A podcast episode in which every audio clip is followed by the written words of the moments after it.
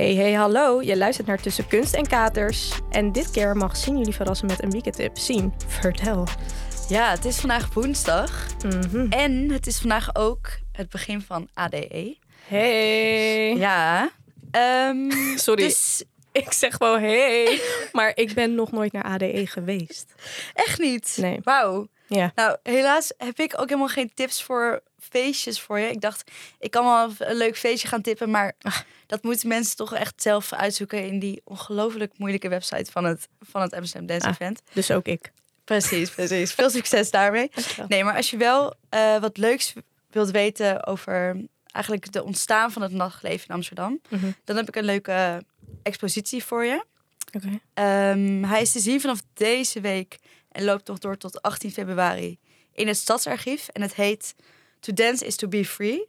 Dus het gaat eigenlijk, het is een tentoonstelling over de clubcultuur van Amsterdam van 1980 tot nu. Oh, wow.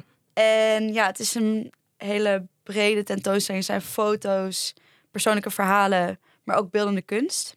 En waaronder ook een 20 minuten documentaire gemaakt door kunstenaar Juha van hetzelfde. Ja, daar neemt hij eigenlijk mee de ontstaansgeschiedenis van de Roxy.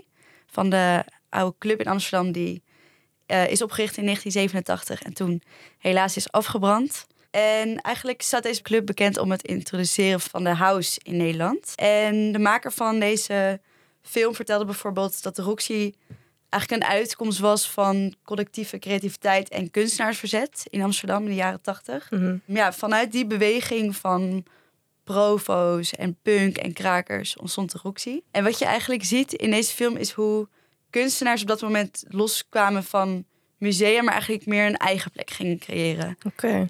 Dus zo was de Roxy eigenlijk zoveel meer dan dat, dan alleen een club. En ik vroeg aan Juha wat een nacht voor hem betekent. En hij zei daarop dit. Ik heb daar niet meteen een eenduidig antwoord op, behalve dat het een gevoel is. En een goed gevoel. En dat is voor mij eigenlijk al heel lang een gevoel van vrijheid en ontmoeting. En uiteindelijk solidariteit, want je ontmoet allemaal nieuwe mensen. Eh, en je gaat met hen op dat moment een soort connectie aan. En die verbinding is heel sterk en heel bijzonder. En die voel je.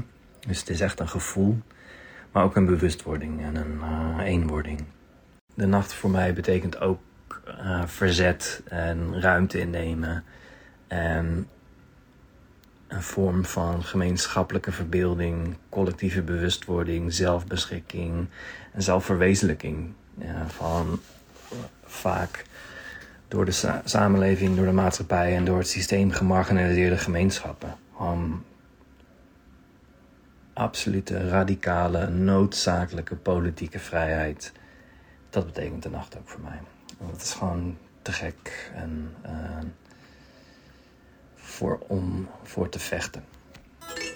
Ja, ik heb zelf de tentoonstelling nog niet gezien. Mhm. Maar ik vond het- het antwoord van Juha wel heel mooi. Omdat ik heb het ook altijd wel met uitgaansleven, met de nacht. Dat het een soort van... Ja, mensen worden gewoon helemaal losgetrokken van hun... Van de dagelijkse sleur, zeg maar. Het is echt een totaal andere wereld die je binnenstapt. Dus dat vind ik ook wel heel mooi aan ADE. Hoe is het uitgaansleven in, in Amsterdam? Ik ben, ik, ik ben wel uit geweest in Amsterdam, maar hoe is die clubcultuur? Ben je er een beetje zelf in thuis? Hoe, hoe is Ehm, dat? Ja, ik ben er best wel in thuis. Het, het is naar mijn mening best breed, maar het kan wel veel breder. Mhm. Eh, je hebt bijvoorbeeld wel ja, plekken als meer wat underground, zoals Garage Noord. Maar je hebt ook die harde techno plekken natuurlijk, zoals de school. Maar het kan wel, ik, het kan wel veel breder en het kan ook wel wat ruiger, vind ik. Ik vind het toch Ja? wel, de nieuwe clubs worden geopend, wel echt veel te gelikt. Een beetje braaf.